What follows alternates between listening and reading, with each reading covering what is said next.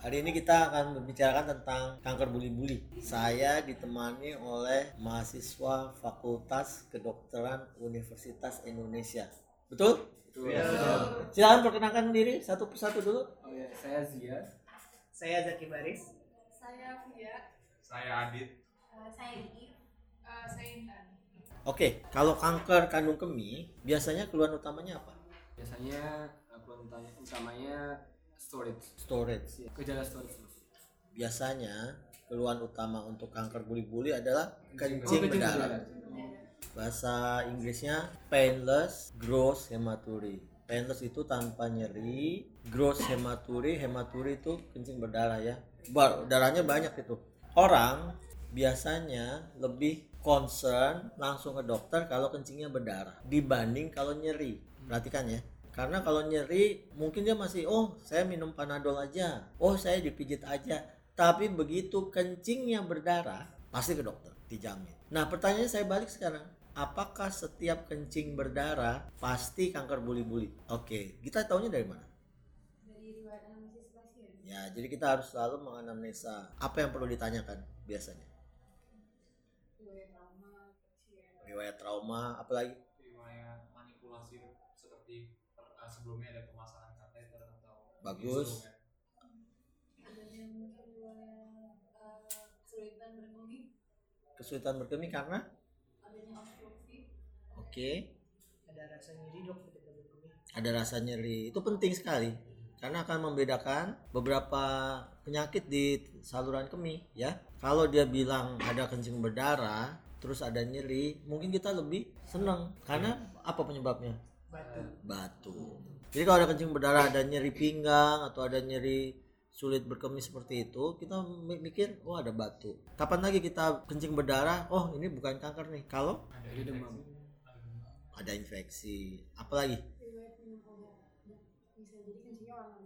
Ya obat apa tuh? Rifampicin. rifampicin makan buah apa? Buah naga merah. Terus apa lagi yang paling penting?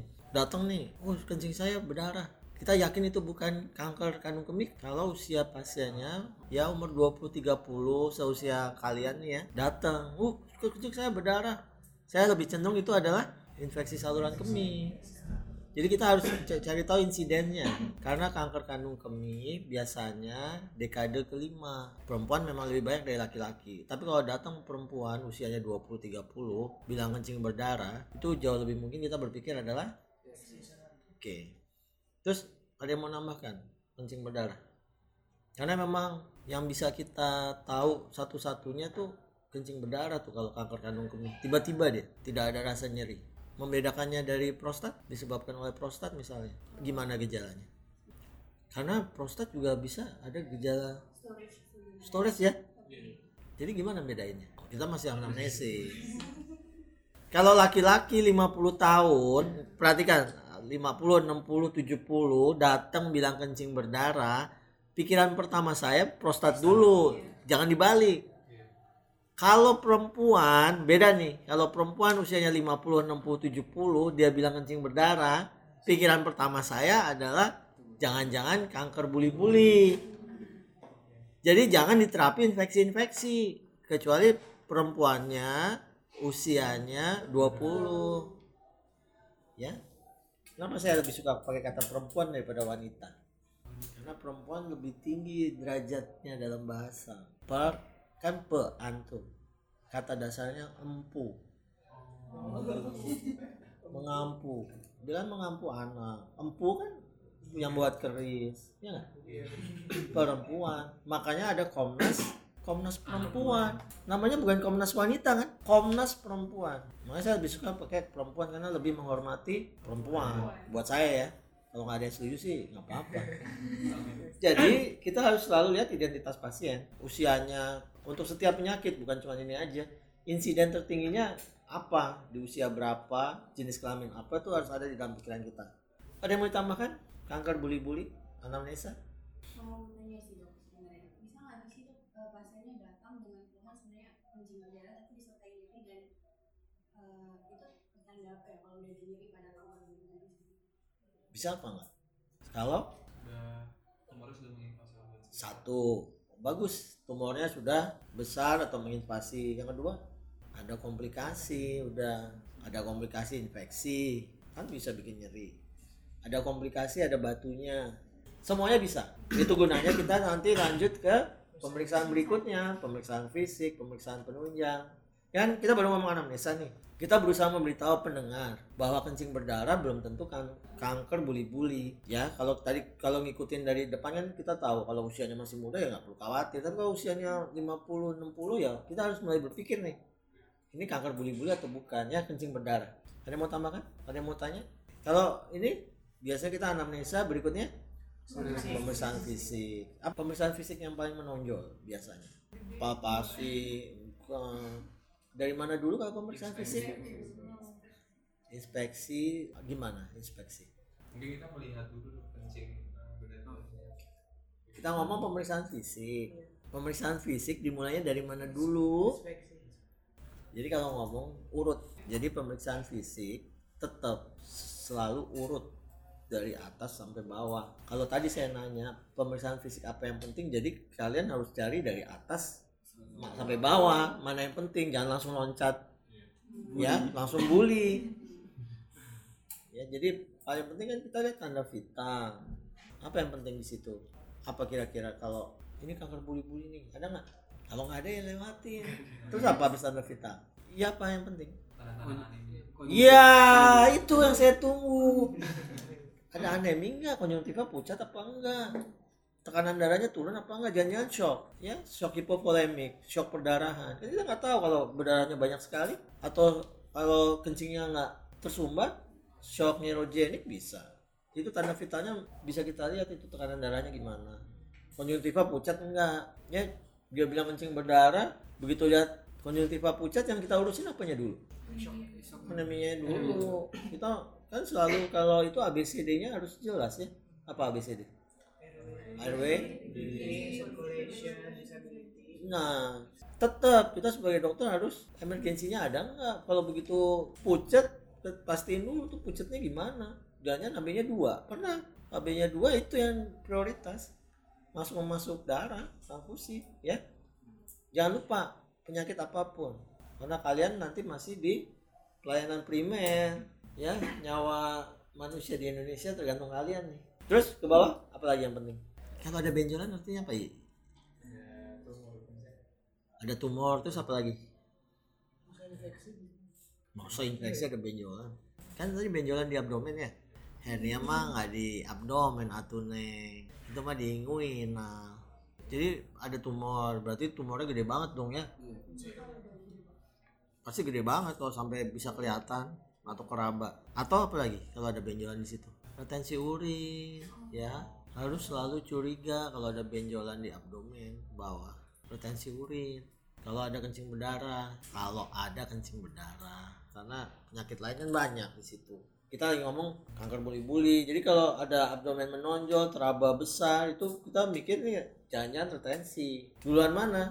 Nambah darah atau ngatasin retensi. Retensi dulu karena nyeri dia. Retensi mesti diatasi ya, kan dilihat langsung. Ada pertanyaan lagi? Ada tambahan? Kalau misalnya kecil berarti kan eh, pemeriksaan fisik yang bisa kita anjurin apa dulu? Nggak ada. Dengan saya ngomong kalau ada. Kalau nggak ada ya nggak usah dicari-cari. Syukur masih kecil. kalau ini kan terkait situs metastasis dari kanker bulu yang paling sering kan ke tulang belakang. Hmm. nah itu kita pada saat analisis dan pemeriksaan fisik kalau pasien ada keluhan jadi punggung yang ya boleh dicatat aja. Nambahin oke. Habis pemeriksaan fisik adalah? Apa yang dicek yang penting ya jangan semuanya disebut apa? Hmm. oke apa lagi?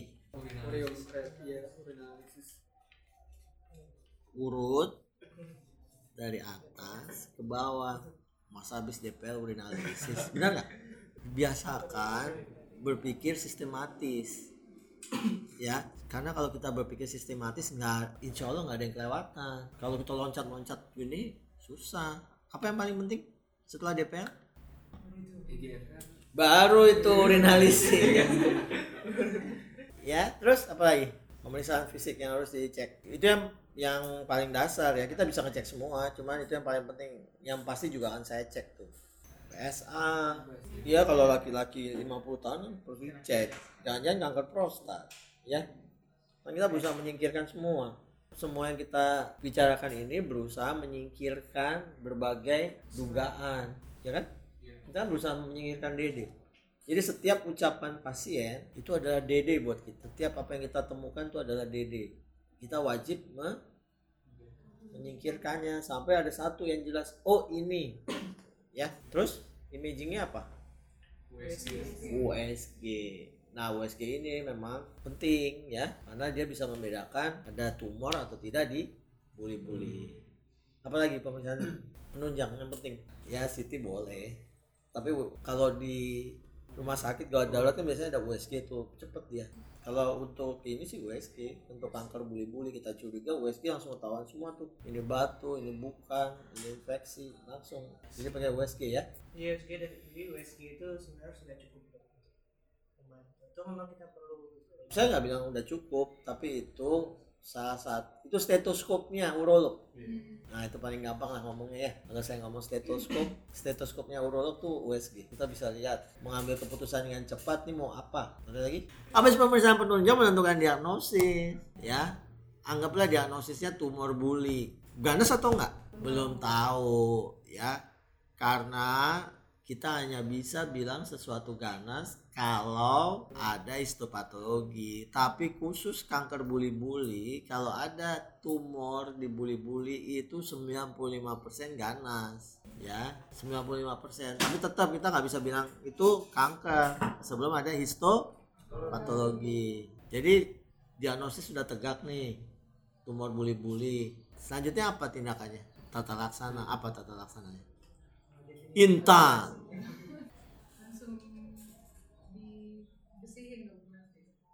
iya apa nama tindakannya tur BT. Jadi kita akan melakukan endoskopi. Orang kalau dengan operasi biasanya ya itu mesti pakai pisau enggak. Tumor buli-buli operasinya pakai endoskopi. Jadi nggak pakai bedah atau belah-belah tuh nggak ada. Jadi kita masuk pakai alat khusus ya. Tur itu transurethral resection. Transurethral berarti alatnya masuk lewat uretra. Ya, resection kita reseksi nanti tumornya kita kita bersihin tuh kita reseksi orang awam bi- bilangnya di laser ya sampai tumornya bersih habis tumornya bersih baru kita histopatologi jelas Yes. terus langkah selanjutnya diapain pasiennya setelah di Oh ya, dilihat dulu nanti apakah ada rekurensi atau tidak setelah dilakukannya turbid. Bukan jadi pada saat dilakukan tur ya buli-buli itu ada lapis-lapisnya. Ada lapis pertama tuh lapis mukosa. Terus berikutnya ada lapis otot. Kalau kankernya masih di mukosa itu sehabis ditur harus langsung kita kemo. Kita berikan obat kemoterapi. Bisa doxorubicin atau gemcitabine. Itu 6 sampai 8 kali ya tergantung jenis obatnya. Tujuannya apa akar mikro. Mikro Kalau misalnya ada yang ketinggal bisa di Ya satu. Yang kedua enggak belum. Ini tujuannya supaya dia mencegah rekurensi karena kanker buli-buli paling mudah tumbuh lagi. Jadi kalau saya beri contoh ke orang awam ya itu sama kayak alang-alang. Tahu alang-alang ya? Iya. Alang-alang kalau habis kita babat, kita diemin, tumbuh lagi nggak? Jadi syaratnya apa supaya alang-alang nggak tumbuh? Akarnya kita Bisa tumbuh lagi. Jadi harus di disemen. Iya. kemo itu kayak nyemen. Jadi komunikasi tuh yang efektif orang ngerti. Kalau kita ngomong rekuren rekuren orang awam mana ngerti. Kalian ngerti tapi orang awam nggak ngerti rekuren tuh rekuren tuh apa ya. Di depan kita nggak kayak kayak gini. Ya kan kamu tahu rekuren ganggu aja nanti sampai keluar. Eh tadi dokternya ngomong apa ya? tapi kalau saya bilang kalau alang-alang semua hampir semua orang saya ngomong nih ya saya udah 20 tahun nih. Semua ngerti kok alang-alang kalau habis dibabat didiemin semua bisa jawab tuh. Jadi kan orang bisa bayangin oh tumor buli-buli tuh kayak alang-alang. Kalau nggak diapa-apain bisa tumbuh lagi. Komunikasi yang efektif itu kalau lawan bicaranya ngerti. Bukan seberapa pinter kita seberapa tinggi bahasa kita. Namanya blow on ya. Bisa aja saya ngomong tinggi cuman kalau lawan bicara saya nggak ngerti artinya komunikasi itu gagal jelas ya? Ada pertanyaan? Hmm. Uh, kan ada TWRBT yang apa yang tidak habis dan habis itu uh, apa uh,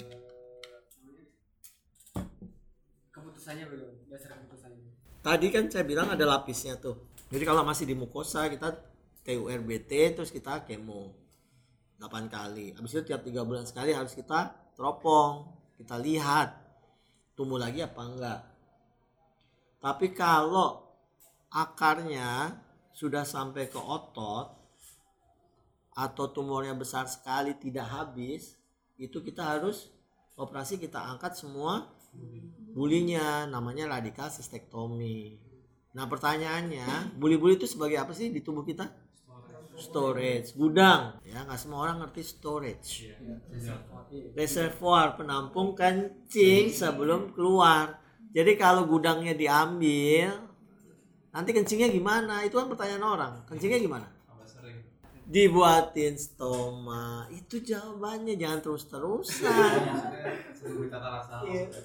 bisa sholat nggak kalau muslim ya bisa kalau non muslim nggak bisa ya, ya jelas dong betul nggak betul pertanyaannya boleh sholat nggak itu kan najis kena air kencing terus. Boleh sholat atau enggak? Pasien kita kebanyakan muslim pasti pertanyaannya itu. Dan apa jawaban saya? Mau sholat apa enggak? Karena Allah udah memudahkan. Memang paling bagus sempurna. Cuman kalau udah nggak sempurna kan orang sholat nggak bisa berdiri boleh duduk. Nggak boleh nggak bisa duduk boleh tiduran. Tiduran nggak bisa bergerak boleh pakai mata. Kalau pakai mata nggak bisa disolati gampang kan mau sholat apa enggak? Itu aja intinya. Allah nerima kok yang penting niatnya mau sholat apa enggak. Ada pertanyaan? Kalau pembuatan buli pembuatan pembuatan buli Hah? untuk pasien ini bagaimana? pembuatan bully Iya. Di situ. neoblader pembuatan neo. Ya neoblader itu ada syarat-syaratnya. Ya jadi tumornya ya biasanya usianya muda. Ya kalau pakai ini kan su- sulit ya terus kankernya juga nggak di dekat muara uretra inter, eh, internal di dalam.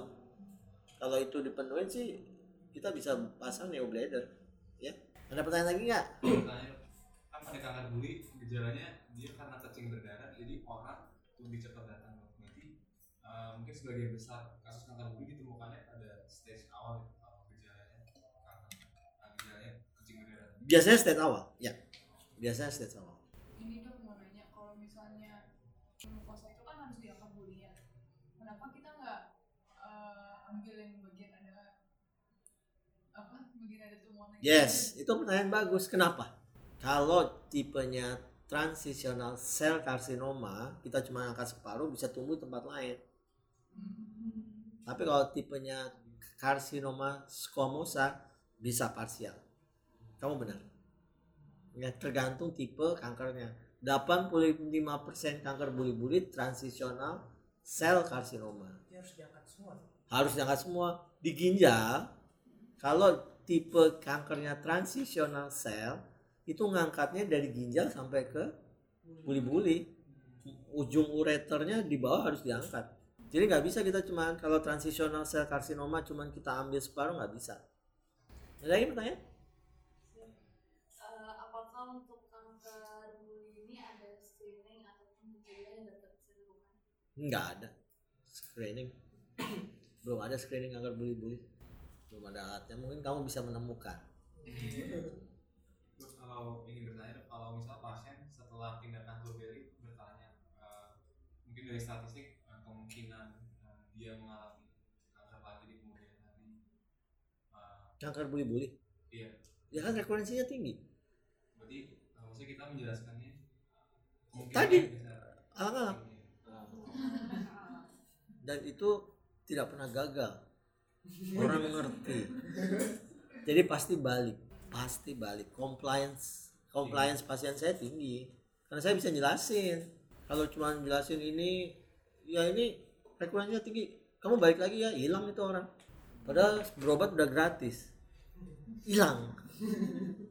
Ya jadi kalau jadi dokter jangan merasa pintar, emang pintar, memang pintar ya. Tapi jangan menganggap semua orang terus kita mau pamer kepintaran kita. Enggak. Tujuan komunikasi itu orang yang kita ajak ngomong ngerti. Itu tujuannya. Kalau orang nggak ngerti, kita harus introspeksi diri. Apakah omongan saya yang kurang jelas atau orang itu emang blow on banget? Kalau orang itu blow on banget ya kita nurunin lagi. Ya, kata siapa tuh ya? Einstein atau siapa? Orang itu pintar kalau bisa menjelaskan fisika, anak umur 5 tahun ngerti.